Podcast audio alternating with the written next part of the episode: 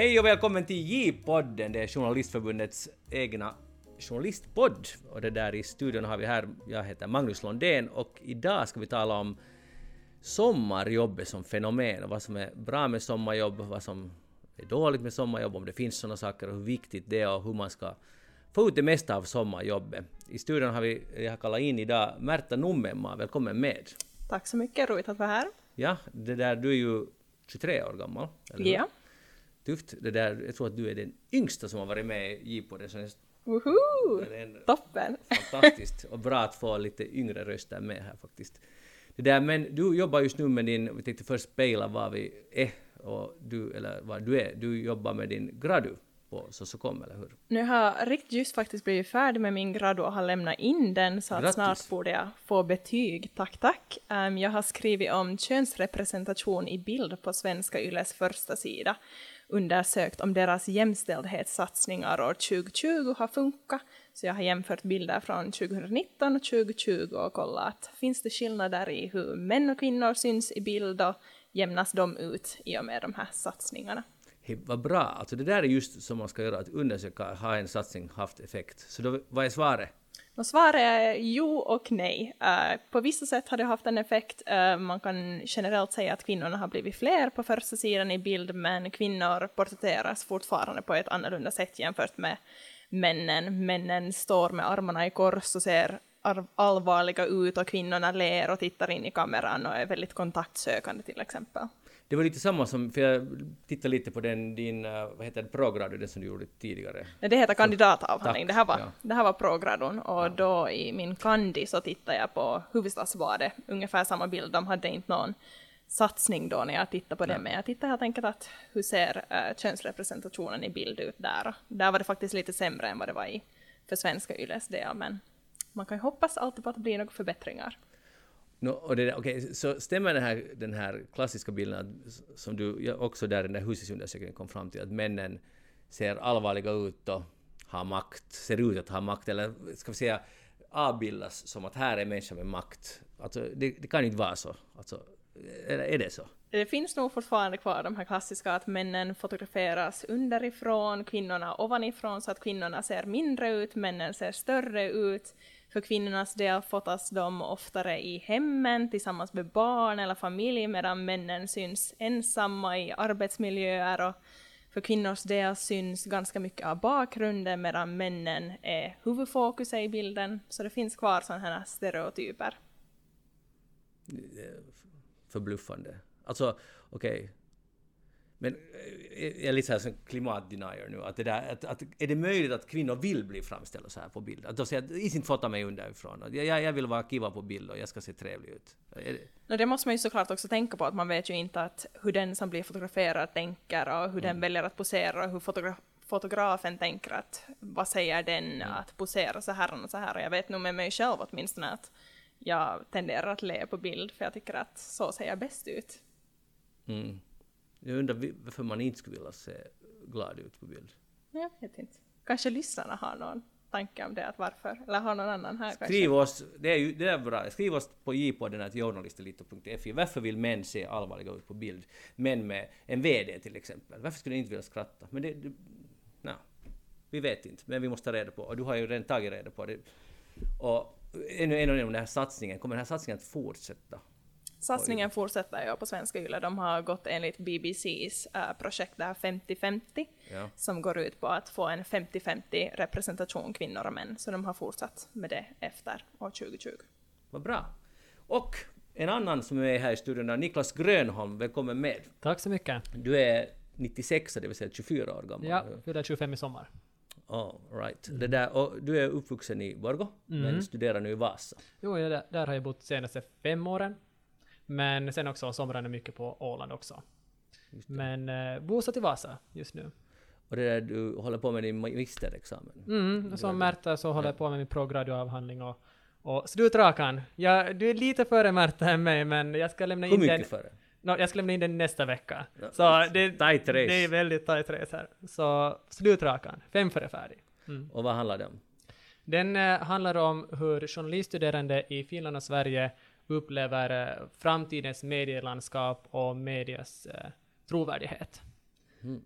arbetsrubrik är fortfarande, jag håller på att finslipa på det här sista rubriken, men det här är ungefär tematiken i min program.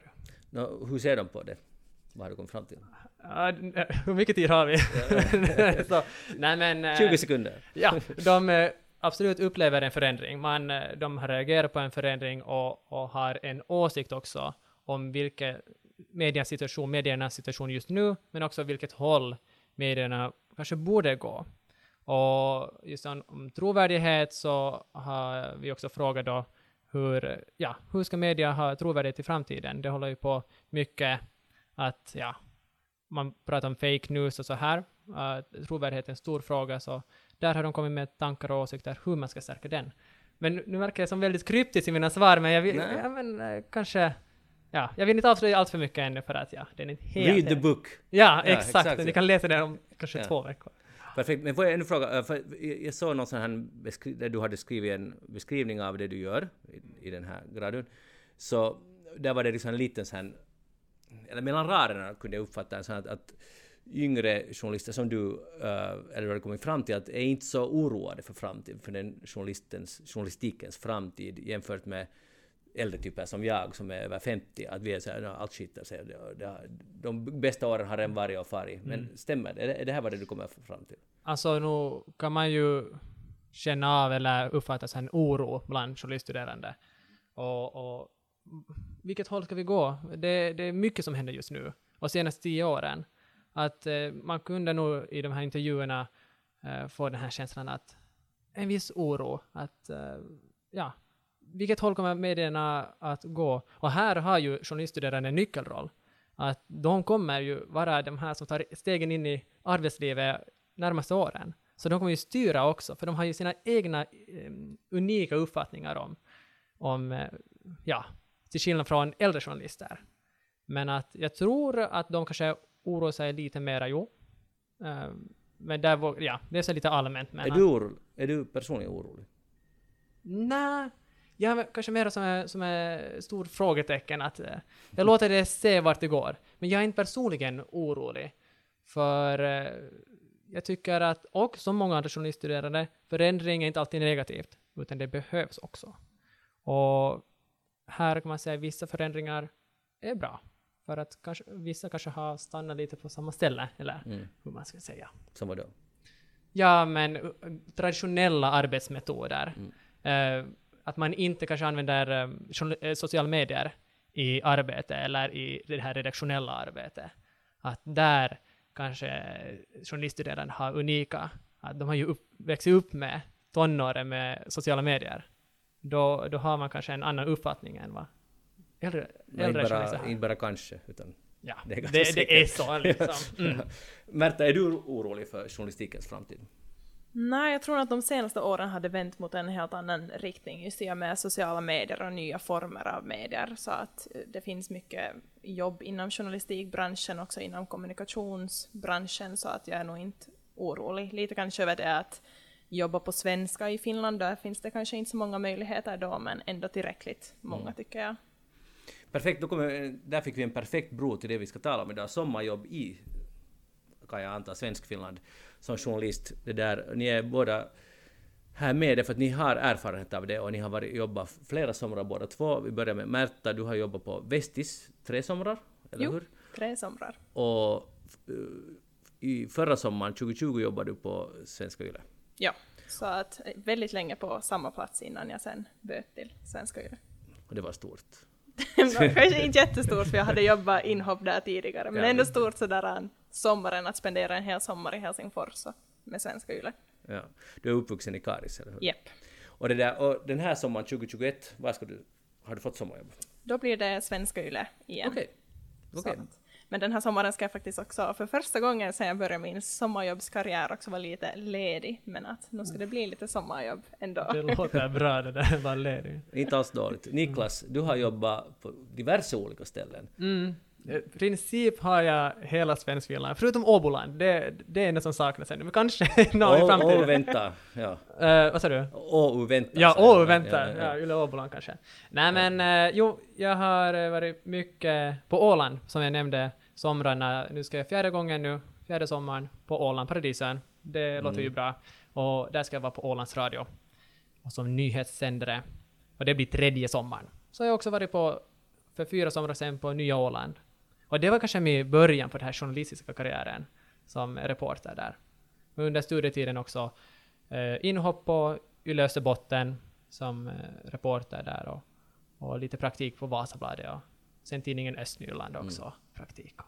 Nåja, Sådär. Där, där hör man att ni har, jag hoppas på att ni ska berätta åt oss hur det är att vara sommarjobbare i dagens journalistverklighet i Svenskfinland. Det där, uh, så, det som, jag har några frågeställningar. Det som jag skulle vilja veta, eftersom jag har en sån här tanke om att sommarjobbet är förbannat viktigt hur de där första somrarna går. Till och med, framförallt den där första sommaren kanske. Uh, jag tycker till och med att det kan vara ganska avgörande. Eller första, andra, tredje sommaren. Det här är bara min personliga åsikt. Jag skulle vilja pejla med er att hur stor betydelse, när ni vandrar in den där första sommaren på ert första journalistiska jobb, alltså jag tänker inte på praktik om ni har gjort korta praktiker, när, när ni får rent av fyrk för det ni gör. Ni går in dit och hej här är jag, jag heter Märta och jag ska börja jobba här. Så minns ni ännu den där, minns du Märta första, din första dag? Eller hur har det? Jo, jag minns nog min, men jag gjorde faktiskt, um, när du pratar här om korta praktiker, så gjorde min korta praktik på Vestis uh, mm. under vårvintern 2017, och så var jag då på samma ställe sen på sommaren och sommarjobba, så att på det sättet var jag ju redan lite varm i kläderna och hade varit där tidigare, mm. så det var inte ett helt nytt ställe. Men visst var det ändå spännande att komma dit för att vara där en längre period, och jag kommer nog alltid att minnas hur nervös man var för att träffa alla och vissa hade jag inte ens hunnit träffa under de två veckorna som jag var där på praktik så att det var nog jättespännande och på något sätt så här en roligt att efter ett års studier på riktigt få testa på att, mm. hur det är att jobba som journalist. Niklas, kommer du ihåg? Jo, mycket väl. Den är speciell den här första sommaren. Och då har man ju kanske tankar om eh, hur journalistiken är att jobba som journalist. Den förändras helt när man kommer, kliver in i redaktionen där och börjar jobba. Då, som du sa, det är avgörande. Och, uh, jag kommer mycket väl ihåg, det var första långa som jag fick då, pengar för då, det var Nya Åland. Och, ja, det, det var början på det hela. Då har vi något gemensamt, för jag har också jobbat på Nyan och det Jaha. kommer jag aldrig att glömma. Vilket var... år var det då?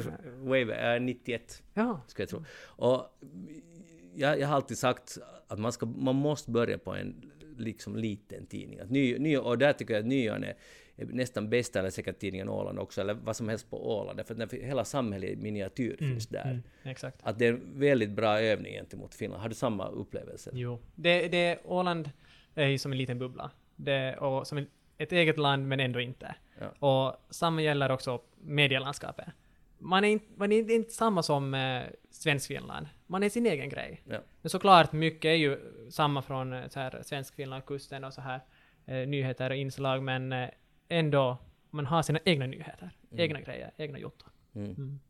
Hur är det där, no, hur, man går dit och en hel sommar framför sig och man kanske inte känner någon, eller kanske man känner någon, men hurdan profil har ni haft? Jag vet inte hur, hurdana ni är som, men ni verkar väldigt utåtriktade och sådär, men gick ni in och sa att hej, här är jag? Och, och, eller gick ni så här blyg dit och var lite, och efter när ni har analyserat ert eget beteende, vilket ni säkert har gjort, kanske. Så, så hur ser ni på era först, er första tid på sommarjobb? Jag tror jag brukar börja ganska så här försiktigt. Klart att jag är med mig själv liksom, mm. men jag är inte sådär att woho, här är jag, uh, helt och hållet, utan kanske med tiden sen blir mer mig själv och uh, hela vad jag är. Men jag tror att jag försökte ha en ganska öppen attityd, försökte prata med alla kollegor och ändå vara ge så mycket av mig själv så att uh, kollegorna kände att de kunde på något sätt få kontakt med mig och veta vem jag var och så här. Och jag tror att det hjälper jättemycket med att skapa ett band med andra kollegor. Att jag vet inte alls vad Niklas har att säga om det, men Ja, alltså jag har lite samma. Jag börjar försiktigt. Jag är sprallig som personlighet och pratglad, så jag kanske verkar väldigt glad, men inombords då första sommaren var jag helt nervös. Ja. Så två olika så här, personligheter. Så jag var glad och, och sprallig, men inombords, ah, det var, det var nervöst. Ja. Men eh, jag försökte nog, och det tror jag är jätteviktigt, som du var lite in på Märta, att, att eh, bli vänner med kollegorna där och, och den här ordinarie personalen, inte bara sommarvikarierna. Att man ska inte bli sin egen lilla, nu pratar jag om bubblor igen, men ändå. Men blir det inte ganska lätt så att sommarvikarien är en, en egen enhet nästan? Jo, jo, absolut. Och det får det bli också, för man har ju stöd av varandra och, och samma, samma båt. Men man ska våga bli vänner och oftast blir man, det finns jättebra typer också. Alla är bra typer i Mm. de här ordinarie som är stammisar eller hur man ska säga. Stammisar. Eller ja, stammisar men de är Jag förstår vad du menar. Du förstår vad jag menar. Det där, men eh, jag är intresserad av det, för det första det där intrycket är ganska avgörande. Jag kommer bara själv ihåg när jag var på Husis och sen, jag var lite kaxig som typ 21-åring eller något. Så jag, i princip gick jag inte och presenterade mig, utan jag förväntade mig att nå- någon kommer till mig. Och sen kom någon nyhetschef sen till mig och sa att ja, att här brukar vi faktiskt, brukar faktiskt någon ny och presentera sig. Men att, och sen kom han liksom emot och, och st- sträckte fram en bister hand. Och då, jag att aha, whatever, liksom jättekaxig och det, är- det är en rekommendation jag har, att gå inte in med den här attityden. För det betyder sen att man har, det kommer att slå tillbaka den här, den här kaxigheten. Så det, det är ett råd för en äldre person, men, men ni tror knappast heller på kaxighet i det här. Nej, jag skulle nog säga helt samma. Jag tror Ja. alltså, uh, mycket jag skulle ha gjort det själv också, men mycket också fast i min chef som jag hade, att hon gick runt med mig och presenterade mig i varenda ett rum på hela redaktionen. Det är Och sådär jättebra. att hej, det här är Märta, här är den här personen, det här gör den här personen på jobbet. Och det var också jättebra. Enda- sådana fanns inte på det fanns inte några människor som gjorde något sånt. Just det. Men förlåt. Men jag tror att det var en mindre redaktion så kanske det är Mm. mer så här familjärt eller på något sätt där. Och, och det enda jag kommer ihåg att var jättenervös var att för man presenterar sig för så många människor så att jag kom ihåg typ en persons namn efteråt och så minns jag att det var länge sådär att hmm, försöker Mm. lista ut att vad hette den här personen nu igen? Jag menar alla visste vem jag hette för det var en person som var ny men men ja, så det var lite skrämmande. Niklas, hade du någon som visade runt dig och, fick dig att känna dig hemma? Eller på de här olika ställena som du har varit på? Jag började fundera och jag vet inte, var det för att jag var så nervös att det är nu en sån här svart hål där i ett minne? Men eh, jag tror det. Jag, jag har sån litet minne eller, eh, av att chefredaktören visar runt. Hej, här är, här är, här är den och här är den och här är den. Och här ska du jobba. Liksom, här är ditt arbetsbord. Så det, det tror jag, jag tror det. Nu när det kommer sådana flashbacks nu när Märta pratar, lyssnar och, ja. Men jo. Mm. Det där, okej, och sen, sen började man att jobba och, och det där... Kommer ni ihåg er, er första grej som ni skrev? För det var väl skrivande för er båda? Jo, jag kommer ihåg det mycket väl. Det var Vad handlade det om? Ni vet kanske sådana här lokaltidningar speciellt har på baksidan, sista sidan, så eh, sådana lokala, man ska ut på gatan och de har veckans, eller vad det dagens turist eller dagens ålänning.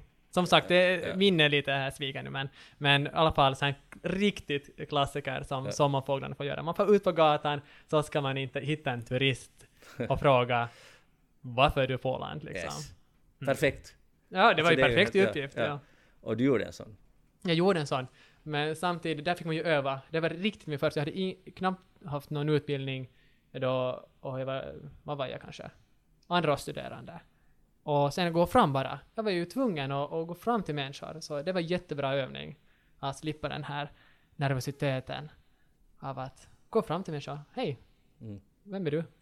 Mm.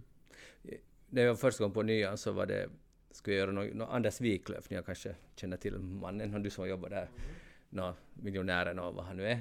Så han hade donerat någonting eller shoppat någonting och sen, det var någon avteckning någonstans, så gick jag dit, det var faktiskt konkret första dagen och sen skrev jag artikeln och sen nästa dag blev jag kallad till chefredaktör på, på en liten pratstund och det var att ja, den här Magnus, att den här killen han hette sen Wiklöf i efternamn. Vi hade skrivit Vikstrand eller något Vikholm. och att han är ungefär Ålands kändaste kille. Att det ska vara bra att checka namn. Mm. Och, och, det, och det var jävla, bra att, man, att jag blev liksom satt på plats. För det var helt berättigat. Liksom att man måste ju kolla namn.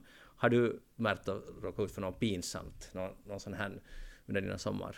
Uh, jag har lite liknande så här med namn. Det var inte under ett sommarjobb, men det var på svenska YLE när jag var på jobb eh, på inhopp. eh, så träffade jag faktiskt president Sauli Niinistö. Och jag vet inte vad som hände i mitt huvud. Jag kunde ha sagt vad som helst, jag kunde bara ha sagt hej, men jag sa då hej Sauli. Ah. Och det ska man ju inte göra. Han Nej. verkar helt fine med det. Han var Ja. sådär att hej hej. No, han är ganska stoneface, men ja. No, jo, så att, men det var ju lite sådär efteråt var jag sådär att nej, att you had one job. ja du, är- vad är det, du var 21 år gammal och har Jag var inte gammal Ja, alltså. Perfekt. Ja, men det, du, du gör det inte på nytt. Nej, Nej. Men definitivt helt som du skulle känna någon. Hej Sali! Var? Gamla, gamla bekanta ja. Hur går det med dig? Ja. Nej men det, det är bra det där. Men har ni, det där okej, men feedback är en sak jag jättegärna skulle snacka om. För att jag upplever att det är superviktigt att som ung få feedback. Det är också förstås som äldre, men det är ännu kanske viktigare som, låt oss säga de fem första åren, att, att få mycket feedback. På kvaliteten och på språket och på, på allt, allt man gör. Eh, tycker ni att ni fick, tycker du mer att du har fått feedback på det jobb du presterar? Jag kommer nog ihåg, jag, i början på Vestis så satt vi med chefredaktören med alla mina artiklar och kollade igenom exakt alltihopa och hon berättade exakt vad hon tyckte, vad jag var bra på, vad som kunde vara bättre och förklara varför och så här. Så det är jag nog jättetacksam över för att jag lärde mig massor. Och sen var det alltid en tradition där på tidningen att varje dag som det kom en ny tidning så satt hela redaktionen och gick igenom tidningen och kunde kommentera alla artiklar och säga vad de tyckte var bra och sådär. Kanske inte lika mycket vad som var dåligt eller mindre bra, utan då kunde de istället sen komma och säga att om de hade någon konstruktiv kritik. Och det tycker jag att det är jättebra också att få konstruktiv kritik och inte bara sådär att hej, bra jobbat. Bra, det här var okej och det här var bra. Ja.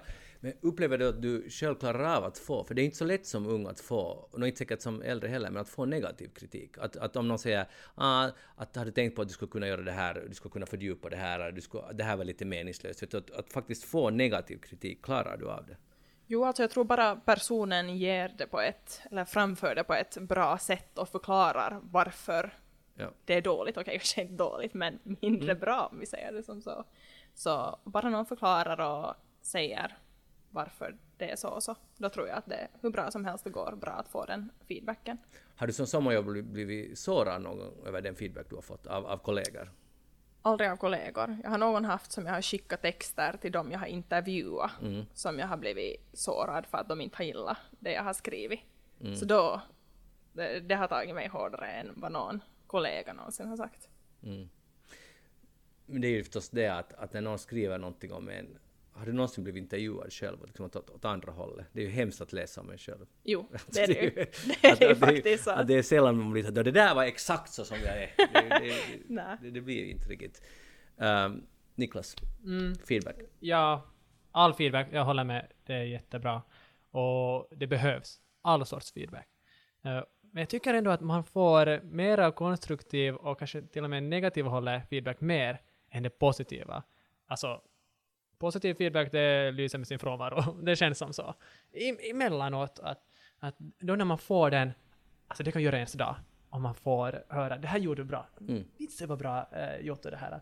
Att det där gjorde du riktigt snyggt. Så, herregud, mina, jag ler som jättestort och, och så. Men eh, också konstruktiv, det är ju en talang att kunna ge det konstruktiv också. Men jag har ganska bra erfarenheter av mina sommarvikarietider att, att få feedback av chefen visar och, och det som märktes om att ni gick igenom tidningen då, eh, vad som var bra. Och så, samma sak gjorde vi också då på nyan. Varje morgon började vi med att kolla på eh, tidningen. Vad, vad, vad är bra i vår tidning nu? Vad har vi gjort bra? och Vad kunde vi göra bättre? Så det är också jättebra. Och funkar de här mötena? Upplever ni att det, de är liksom, att det inte bara blir så här en klapp på axeln till, mot, åt varandra, åt kollegor, att vi, är, vi är bra och, och, utan tycker att det för, gör så att säga produkten bättre till nästa, dag, nästa tidning? Ja men det tycker jag ändå. Jag tror att det är det som också Niklas säger det där att det kanske att vi är lite dåliga på att ge positiv eh, respons och det kanske är mer just det här att okej, jättebra skrivet och sen är det ingenting mer. Så jag tror att för att det ska vara bra så behövs det liksom att man på riktigt påtalar vad som är bra och varför man gjorde någonting bra för att det skulle kunna bli ännu bättre. Eller då påtala varför någonting skulle kunna bli bättre än vad det var. Mm. Och det är ju en helhet det här, just speciellt med en tidning. Och, och det är ju helt annat, annat att, att ha det framför sig på skärmen, man jobbar på det, och sen se det i tryckta tidningen. Då ser man med andra ögon och, och då kanske oftast kan man säga det där är inte bra, fast det är kvällen innan när man jobbar på den då, sen timmar, små timmar där. Men eh, man ska kunna se den med, med fräscha ögon.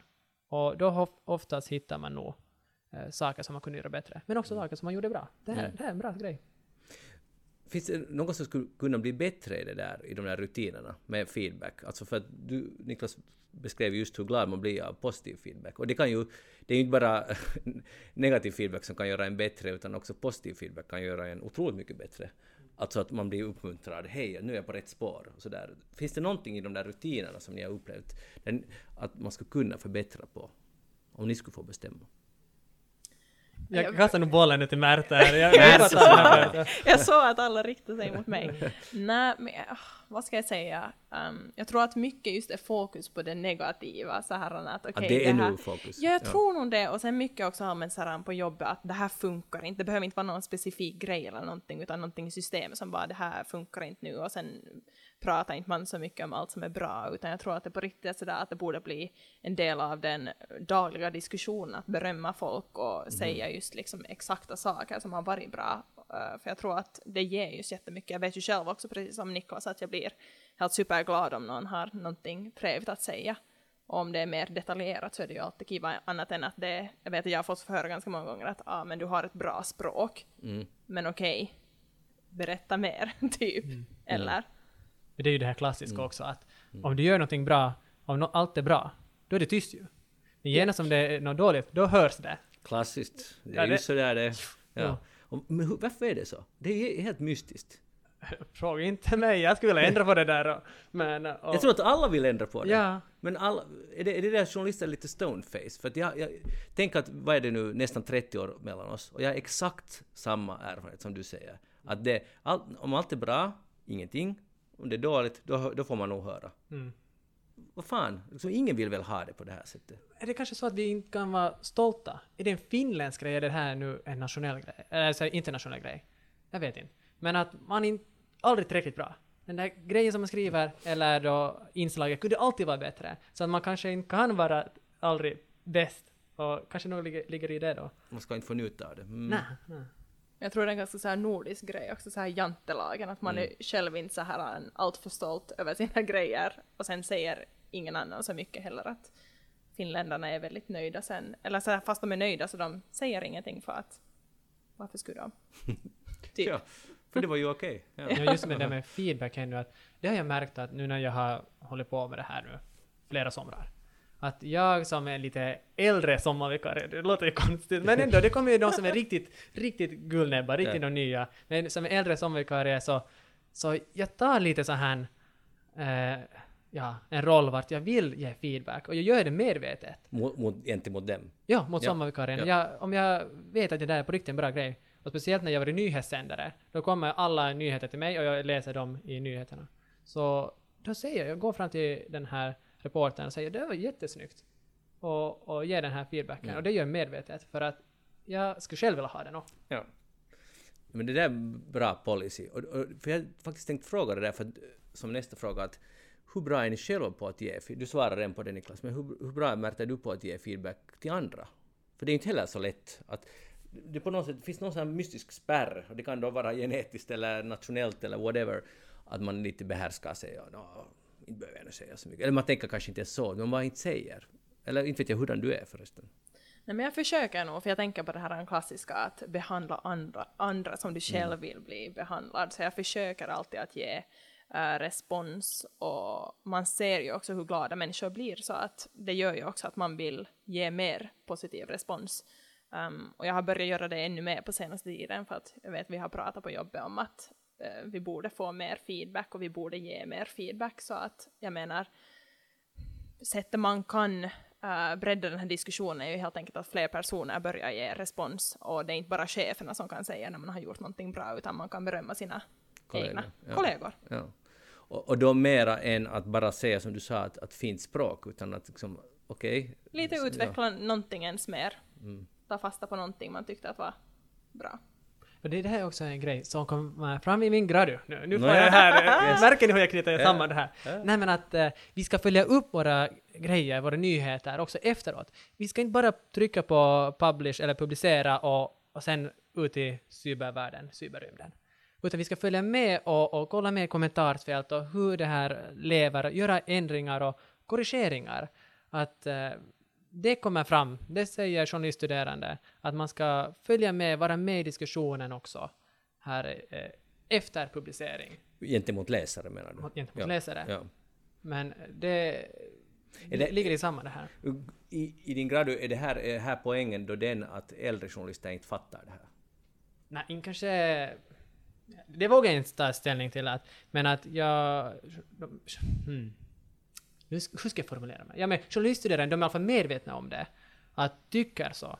Och det är det som, jag koncentrerar mig enbart på journaliststuderande, så jag kan inte nu kommentera direkt Nej, att hur jag. Ja. äldre tycker och tänker, men eh, det är tydligt i alla fall hos journaliststuderande att det ska följas med och följas upp det här. Mm. Mm. Det där om handledning. Nu menar jag inte bara att här är printerrum eller whatever, liksom, och så här funkar maskinen här och där är kameran och så vidare, utan, utan handledning rent konkret att så här jobbar vi och kom ihåg att ingressen får vara högst si och så lång och allt, allt som gäller hela sommaren. Har ni haft någon som handleder er? För i, i alla fall när man gör den första praktiken så ska det ju i princip vara så. Vad är er erfarenhet?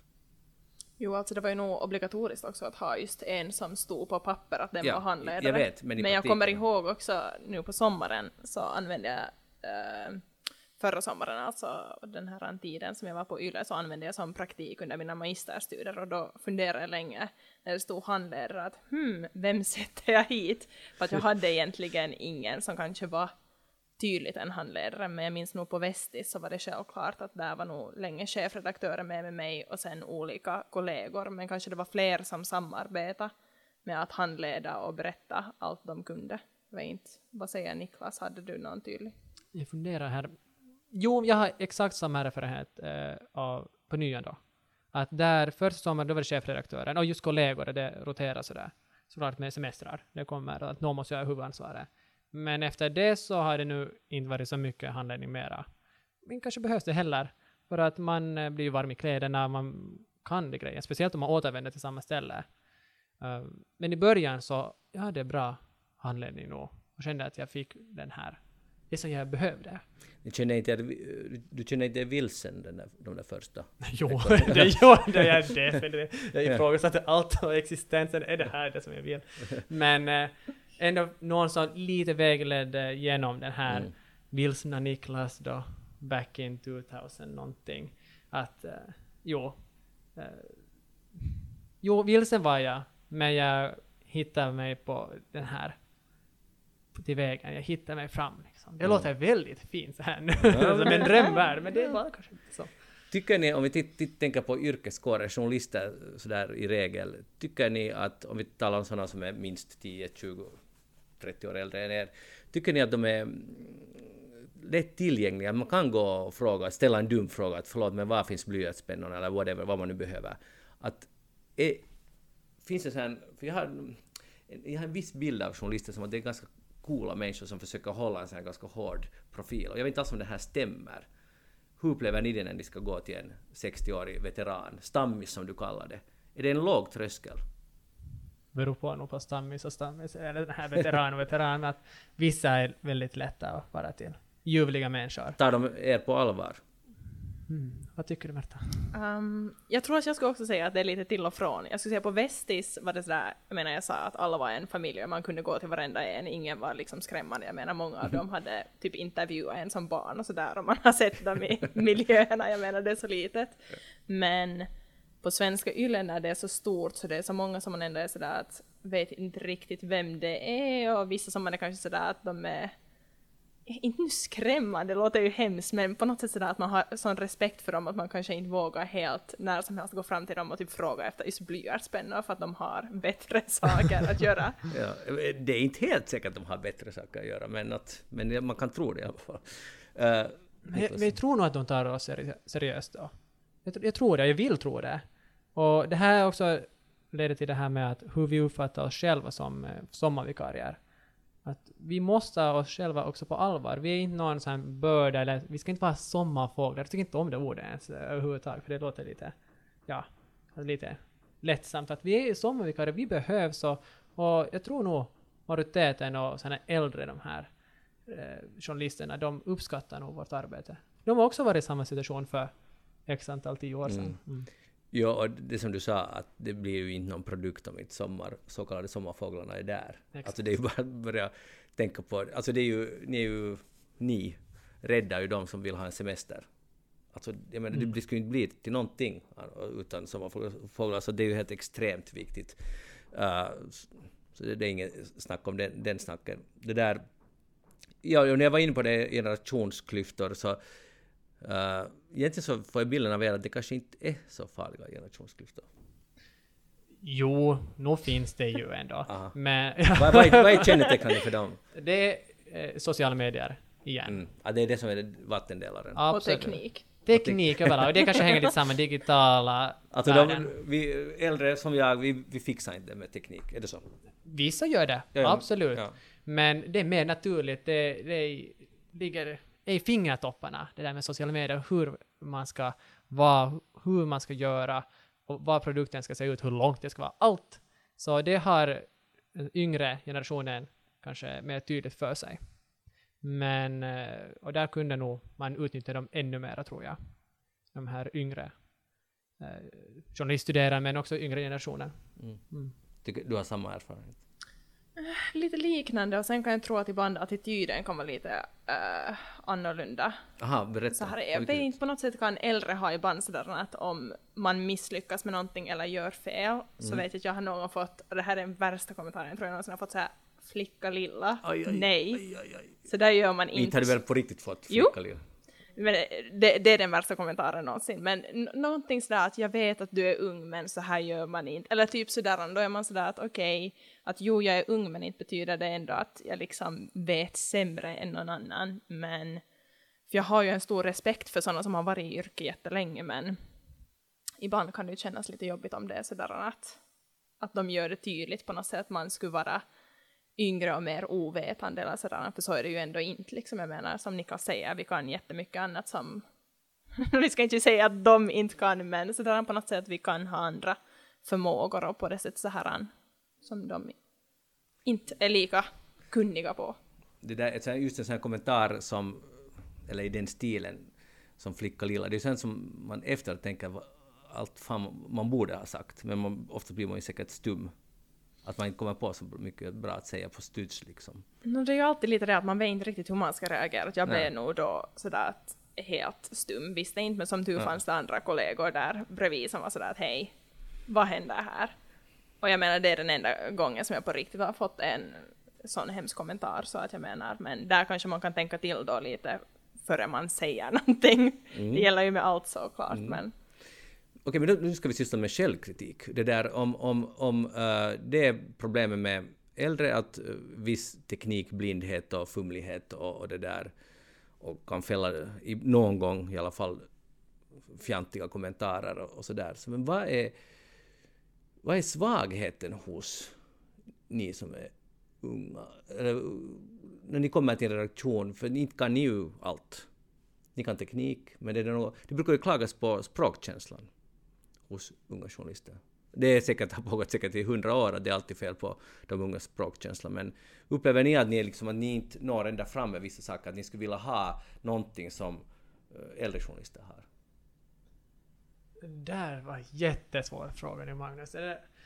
Mm, Jag kan ge ett exempel. jag ger ett så exempel till- så... Ja. För jag kommer ihåg, eh, det fanns en kille, han har gått bort, men på huset, no, Sture Gadd.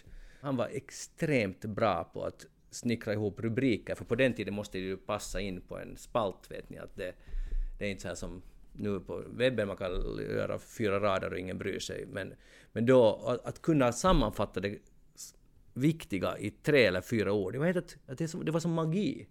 Jag kunde inte fatta att man kan göra det och jag, fortfarande fattar jag inte det. Och det var sådär att han, han tog den här texten, var tyst en stund och sen kastade han tillbaka och så skrev jag bara in den. Om vi satt där på någon nattjour eller kvällsjour. Och, och, och det var så att jag, jag liksom beundrade det jävligt mycket. Att, att ha den där blicken. Och, och, och det är så att visst, journalistiskt hantverk som, som man bara kan få av erfarenhet. Förstås måste man ha någon sorts grund, liksom, uh, vad ska vi säga, uh, egenskaper man klarar av sånt här, men, men det är också någonting som man får av erfarenhet. Så, så igen, om ni tänker nu med det här, det behöver inte vara en bra rubriksättare eller makare, men någon, något annat som ni tycker att ni saknar själva. Men jag kanske tänker då på så här gedigen journalistiskhet. Är det en svenska? Jag vet inte. Men alltså så här att man är, de har den här touchen, de har det här ögat för det och, och hur de med språk framför allt. Uh, det kan jag tro att uh, kanske saknas mer hos den yngre. Och speciellt när det här samhället nu eh, håller på att ändras jättemycket. Det går snabbt och det ska på SOME, det ska på webben. Att eh, hur man bearbetar ord och den här produkten. Så den är kanske unik för den här, den här äldre garden på ett bra sätt. Och den kanske man inte får som yngre. Jag vet inte. Vad tror du Märta?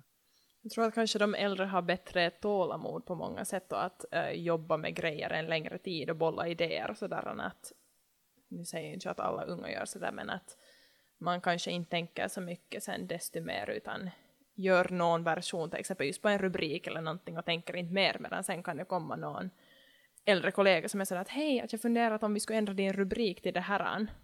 Att hur skulle det vara? Och så märker man att oj, mycket bättre version.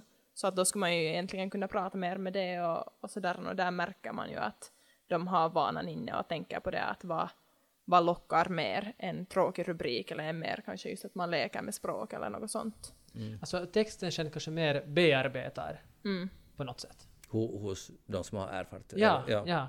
Mm. Att uh, de har det här, just som jag sa, det här unika uh, sättet att tänka, hur de skriver och, och användning av ord.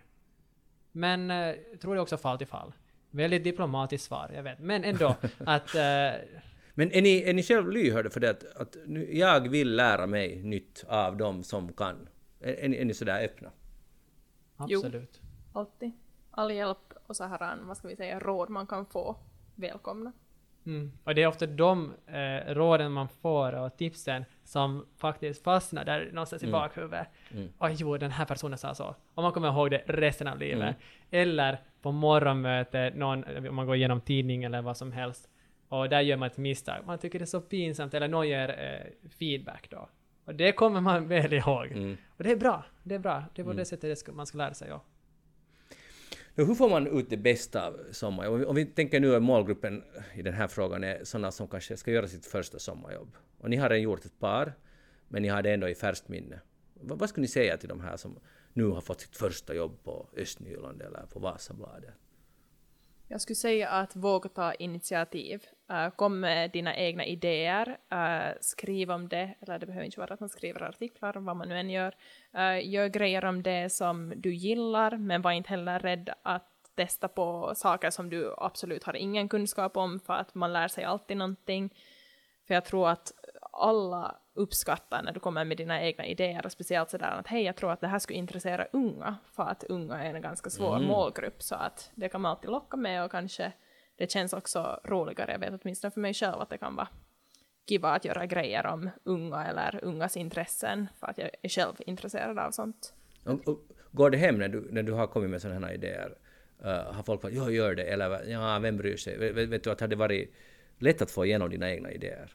Det är nog inte många idéer som har gått i skräpkorgen. Om vi säger som så, att ofta är det sådär att de bara att oh, att ja, att låta spännande. Kanske det kan vara sådär att idén utvecklas lite till någonting annat, men att grundidén finns åtminstone där.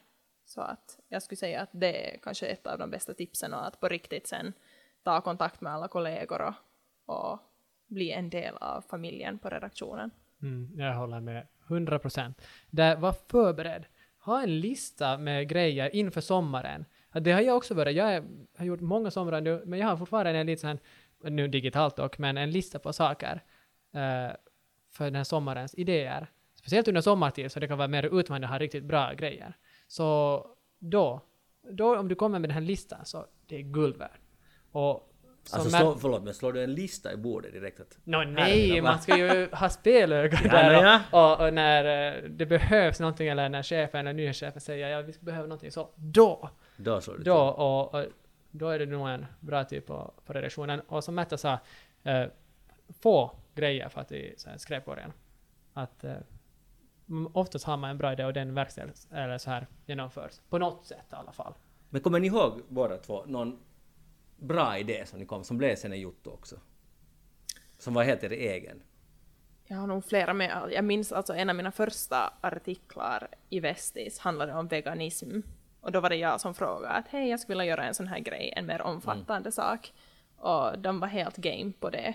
Uh, och då kommer jag ihåg att jag var så att åh, men vad trevligt liksom att, att de var helt liksom into.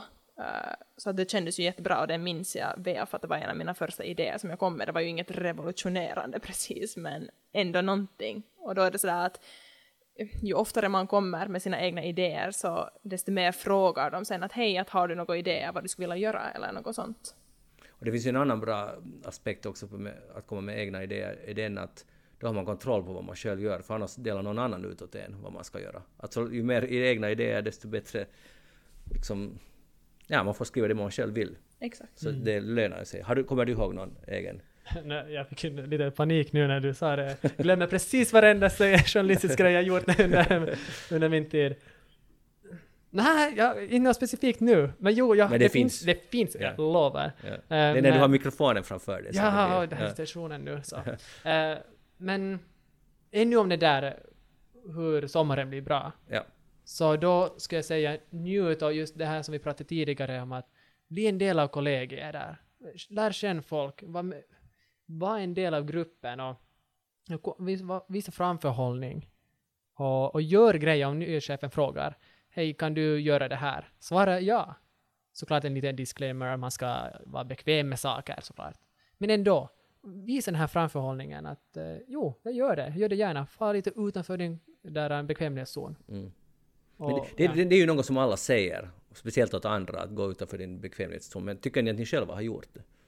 No, det gjorde jag genom att då första sommaren skulle få ut på gatan där och till random människor och hej, vem är du? Ja. Så inte hade jag gjort det förut. Men så efter det, mycket lättare. Mycket lättare, ja. Och fara fram. Ja. Vem är du? Mm.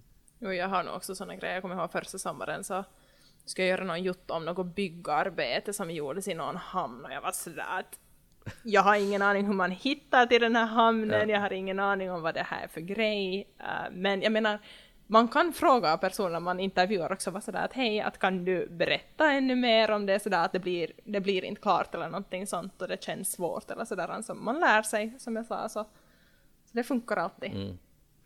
Utöver att vara, ta egna, eller komma med egna initiativ och egna idéer, vad annat är det som är viktigt att tänka på? Bli en del av det sociala gemenskapen, det tog ni upp. Finns det något annat som ni tycker att det är viktigt, som ni kanske inte själva hade koll på, och som ni efteråt tänkt att så där borde jag ju ha gjort? Nej, men testa på. Det hänger lite ihop med det som jag sa tidigare, att vara utanför sin bekvämlighetszon, men testa på olika grejer och tro på dig själv. Oj, men nu lät det väldigt klyschigt här, men ändå, men att tro på riktigt på dig själv och, och, och om du har den här idén på din lista, säg det högt. För att det tas 99% av 100 liksom väl emot. Att ha den där tron på dig själv och ännu för att knyta samman med det tidigare, att vi behövs, vi har eh, unika idéer och tankar. Och tro på dig själv. Mm. Mm. Ni har båda studerat ganska länge och ni är strax klara. Eller i praktiken är ni ju klara de facto. Det där, uh, hur tycker ni att studierna har förberett er för det riktiga så att säga arbetslivet? Ja, jag tycker nog att studierna på Sossokom äh, eh, har varit helt supergivande. Många bra kurser som jag har gått, till exempel krisjournalistik har jag gått så att jag har lärt mig mer så jag vet vad, vad jag gör om det är någon stor kris som händer, hur jag själv bearbetar det, hur jag jobbar med det. Men jag skulle säga att kanske den grejen på Sossokom som var den bästa är Smocka, en övningsredaktion som vi har på skolan som i praktiken får man jobba som en helt vanlig redaktion. Man får vara journalist, fotograf, layoutare, man får göra radio, man får i princip göra vad som helst, eh, testa på alla uppdrag som kan finnas och det ger en jättebra grund till när man sen på riktigt far till en riktig redaktion och jobbar så att uh, utan smocka skulle jag nog inte ha stått lika stadigt på mina ben när jag mm. gav mig ut i journalistlivet på riktigt. Hur långt är det där Smocka-projektet? Är det två veckor eller är det mer? No, då, på min tid, oj, mm. man låter så gammal. way back, way back ja. Men jag kallas ju nu Gamyl nu för tiden på skolan, så då var det en månad. Uh, Nu är det kring, jag skulle säga, är det tre veckor eller är det närmare fyra, men det är inte riktigt en hel månad. Att det har lite ändrat i och med att det gick från att man sökte in till journalistiken till att man nu söker in till ett mm. äh, kandidatprogram i samhällsvetenskaper eller vad det nu är. Men, men annat, uh, jag menar, tänk på all teknik och allt sånt, för nu, det är säkert så när ni sommarjobbar att ni inte bara producerar en text, ni ska ta bilder och göra för webben också och så vidare och har ganska mycket helhetsansvar. Så det här tekniska, var det någonting ni lärde er sen när ni var på redaktionen, eller kunde ni allting? Vi har under vår utbildning, man går igenom, det är mobiljournalistik till exempel, och använder en gimbal eller just andra sorts eh, stativer. Och utnyttja det i arbetet. Video, det, det var ganska ett trendord då när eh, 2018 och, och då så att hur använder video och rörlig bild istället för text bara eller hur de kan eh, samarbeta. Och, och, jag känner absolut att utbildningen har gett mig den här grunden och, och färdigheterna för framtiden. Absolut. Men nu är det ju sen, det kompletteras av praktiken och framförallt sommarpraktiken. Att det är då som man får på riktigt testa på. Men jag är nog glad att jag fick hålla i en radiomikrofon under kursen, när vi hade radiokursen, och, och bandaren och, och, och testa på att ta foton om man är ovan med det. Så på det sättet, absolut, det behövs den här utbildningen och den kompletteras sen mm. av eh, praktik. Blir ni inte stressade av, av de, de kraven, just att ni, man ska producera video, text, eh, bild och så vidare, allt kommer på, landa på era axlar. Blir ni stressade av det? För att jag menar, jag, jag blir, om jag, ska säga, jag skulle bli om jag skulle hamna ut för det. Men jag ser till att jag inte hamnar ut för det. För att jag tycker att jag skriver och that's it. Okej, okay? så det här är en generationsfråga. Säkert i viss mån. Men jag tror att vi har också vetat det när vi har sökt in till våra skolor, att det är sådär att journalistyrket har förändrat. Det finns inte hela tiden en fotograf som kommer med dig, Nej. utan du kanske fotograferar och skriver själv och gör radiogrejen och filmar till TV. Ungefär sådär att du gör precis Men... allt. Så att man lär sig liksom, åtminstone på Sossokom så lärde man sig liksom att göra allt på en och samma gång med en tight deadline ungefär och så här. Så att, men klart det är sen i arbetslivet att man lär sig ännu mer hur man kombinerar det, men jag tycker nog inte åtminstone att det känns jobbigt för att jag känner att vår redak äh, redaktion, vår generation är väldigt så här multitasking också och kan göra många saker samtidigt och, och sådär. Mm. Blir, förlåt, jag måste ställa en kritisk fråga. Blir, hur är det med, jag måste ställa, hur är det med kvaliteten om man gör allt det där och ska kunna allt det där? Så de enskilda delarna, håller de tillräckligt hög kvalitet? Jag, det svarar säkert ja, men, men kan du säga det? Ja, jag tycker att det funkar. det funkar det. It works. Bra. Men hur, men hur fan är det möjligt? För att inte, jag menar, det är ju inte så att en relation är mindre smart än en annan. Vi är nu alla ungefär samma, vet du, under året. Hur, hur, hur klarar vi inte? Hur kan jag bli stressad av något som du fixar? Det, det intresserar mig.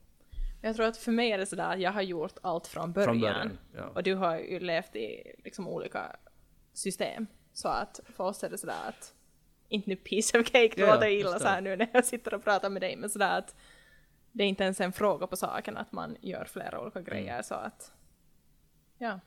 Men det är som Märta säger, att vi har gjort det från början och vi har den här, det är fingertopparna och just med video, jo visst ska det vara stressande. Uh, och det ska det vara. Men inte det någonting som vi inte skulle klara av heller. Och om man är van med det så går det ju lättare. Till skillnad från kanske äldre generationen som eh, har varit inom branschen så länge och sen kommer förändringen. Att man tar den här förändringen emot på kanske ett annorlunda sätt. Mm. Och så. Ja, alltså ni måste tänka att när jag var då i er ålder, så när de, de äldre, det fanns, och när man ringde in jotton till exempel, vet man var någonstans utrikes, och så ringer man in och så satt det någon som hackade, hackade ner det liksom. Någon läste upp någonting, man hackade in det, och det fanns till och med sådana som skrev in på skrivmaskin. Alltså en ni vet, en mekanisk maskin. Det var inte vanligt mera då, men det fanns sånt, så det är liksom en helt annan tidsperiod. Så att, men ja, men okej, okay, ni, ni fixar det och det är good for you, det är ju helt perfekt. Men ändå så har jag en liten skepsis mot det att, att hur man kan hinna splittra sig sådär. Att man hinner splittra sig, det förstår jag, men jag tänker på att någonstans måste lida. Till exempel den lite, vad ska jag säga, språkliga kvaliteten på något sätt. Att hur ska man hinna göra allt det där så bra som man skulle kunna. För att om, om ni bara skulle filma, ni skulle bara fotografera, ni skulle bara skriva. Så nu måste ju bli en bättre kvalitet. Eller har jag fel? Jag inte vet jag sådär med kvalitet, men kanske det tar på den mentala hälsan, det där att man sen börjar jobba rekordlånga dagar för att hinna göra varje grej. Så Mm. det kanske blir mer med det, att jag vet nu inte att jag skulle ha gjort någonting halvdant eller någonting sånt, utan sen är det mer att man sitter längre då och jobbar, att man både skriver en text och klipper en radiojotto och kanske gör en video också. Jag menar, det tar ju helt superlänge, så sen sitter man där då, men jag känner åtminstone så att hellre gör jag det bra än Mm. än att det tar kortare tid och det blir inte riktigt bra. Jobbar du Niklas långa dagar som sommarjobbare? Långa dagar. Ja. Mm, nej, jag är ganska bra på att hålla nog. Eh, speciellt som nyhetssändare. Då har jag mina arbetstider. Mm. Jag kommer dit till halv sex på morgonen och får hem halv två blir det. Så då är det lättare. Men som reporter är det ju en annan femma. Då kan man ju sitta och, och hålla på det här lilla finliret. Och just med video. Jag är, där är jag en perfektionist. För jag riktigt brinner för det. Så, så där vill jag inte göra någonting halvdant heller. Att, men mm, jag kan förstå vad du menar också. Vad du är ute efter här. Mm. Och jo visst, det här som Märta lyfter fram med psykiska och mentala delen.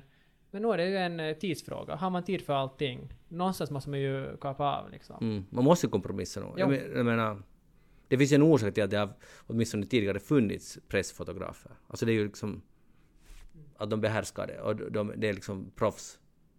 Jag, jag, kan inte, jag kan bara inte se hur...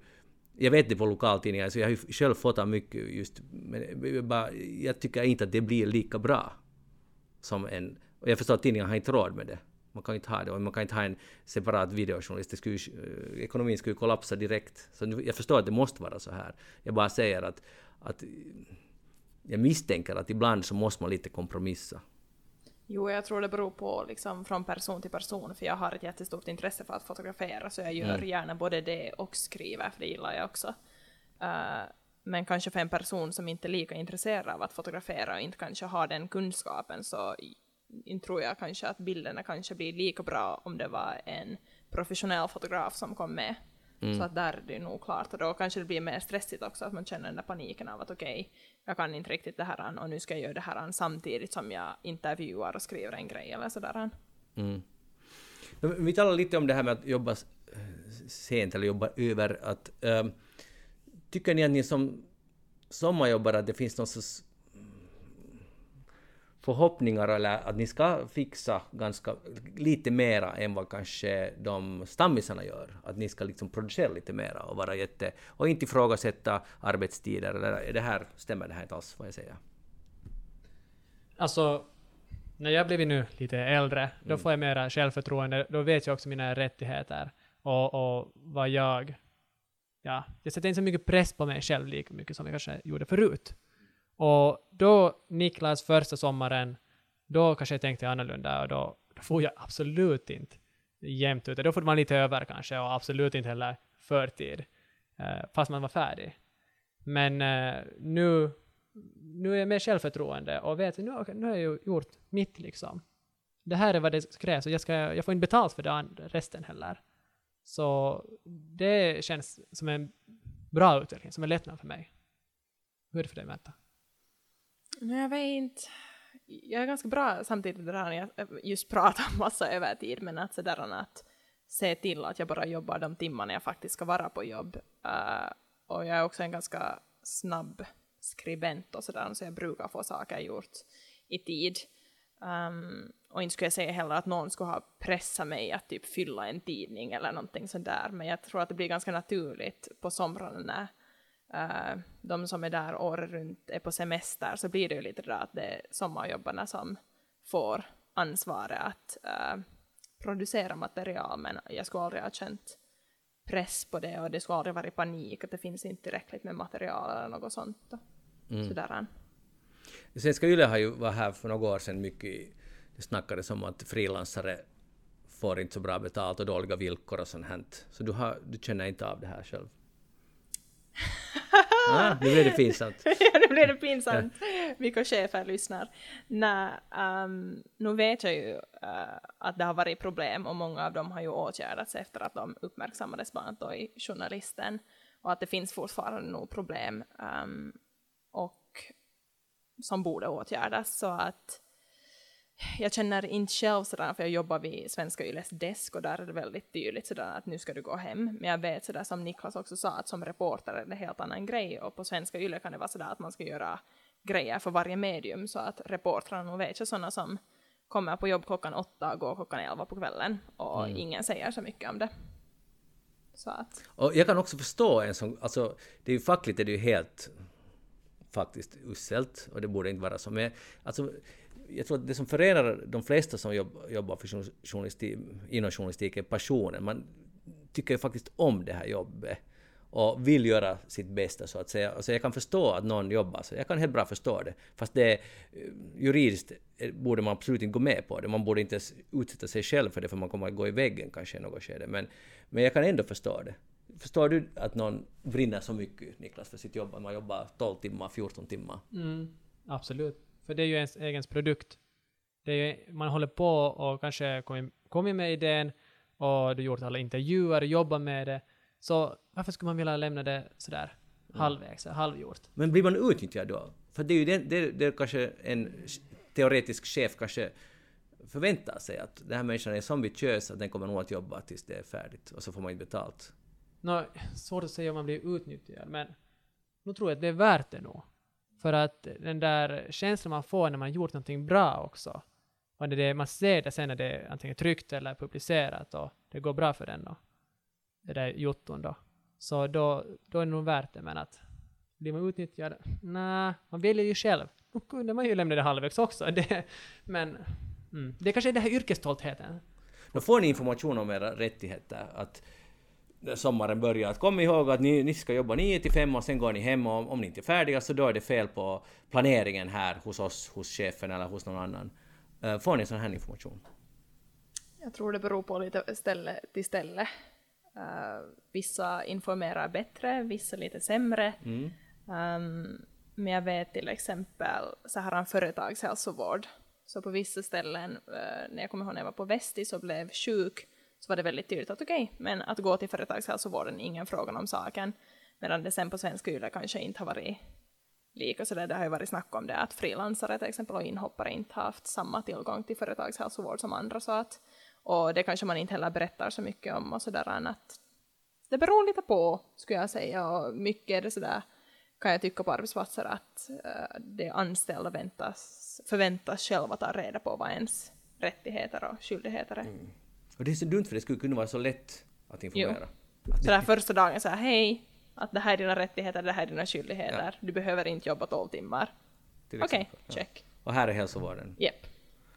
Ja, det kunde nog vara, finnas plats för det och informera. Och det skulle vara så enkelt, som du ja. sa också. Jag menar, det är ju ändå, vi jobbar med folk som jobbar med information. Exakt. Det är inte så svårt. Men hej, sommaren 2021 närmar sig. Vad har ni personligen för förväntningar när det gäller det yrkesmässiga för den här sommaren? Jag brukar inte ha förväntningar, för jag vet sommar på Åland, det kommer alltid, vare sig om det är en Vallaby eller en Schengerö som hoppar på gatan eller Bill Clinton som kommer till Åland eller vad som helst. Så jag vet, det händer något alltid. Så mina förväntningar är ganska neutrala. Eh, Men är du taggad? Absolut. Okay. Och jag, jag återvänder tredje sommaren nu till samma ställe så någonstans är det, går det, är, är det rätt då? Känns det bra? Perfekt. Jo, samma är det. Jag menar för mig, jag återvänder igen för en sommar på, på svenska YLE och, och är nöjd med det och ser fram emot att hänga med hela det gänget som finns där med sommarjobb. Det är ju många som kommer tillbaka år efter år och som är där också och jobbar vid sidan om studierna under året. Så att jag ser nog jättemycket fram emot det och ska hoppas också att man kanske få få någon dag till redaktionen. Det har ju varit väldigt så här strikta coronarestriktioner så att det är ju lite ångestfyllt så att det skulle vara kiva om man skulle få göra det i sommar. Men jag tänker inte ha för höga förväntningar. Men... Jag hoppas för att jag menar, jag, jag tror att det är lite förödande när man inte mera träffar när ni träffar era kollegor så mycket. Jo, och så många liksom nya sommarfåglar som liksom typ kom i fjol och som jag har ingen aning om vem de är för att man har inte liksom ens kunnat träffa dem så det känns ju hemskt att tänka på att deras första sommarjobb så träffade de inte så många på jobbet och de fick typ handledning på distans och så här så Just när vi talar om, om den där hur viktig den första sommaren är. Exakt. ja, hur var din första sommar? Ja, jag, jag var nog mest hemma där i någon... Eller alltså det, det låter så eländigt. Men jag hoppas att det blir bättre den här sommaren. Hej, det har varit jätteroligt att tala, tala med er och, och det där. fått många nya insikter, i alla fall jag. Märta Nummema, tack för att du var med och Niklas och eh, Grönholm, ursäkta, tack för att du var med här. Jag heter Magnus Lundén och det här var alltså J-podden och ni får gärna e-posta oss på jpodden journalistilito.fi. Ha en skön sommar och, och hylla sommarjobbarna vad än ni gör. Hej då!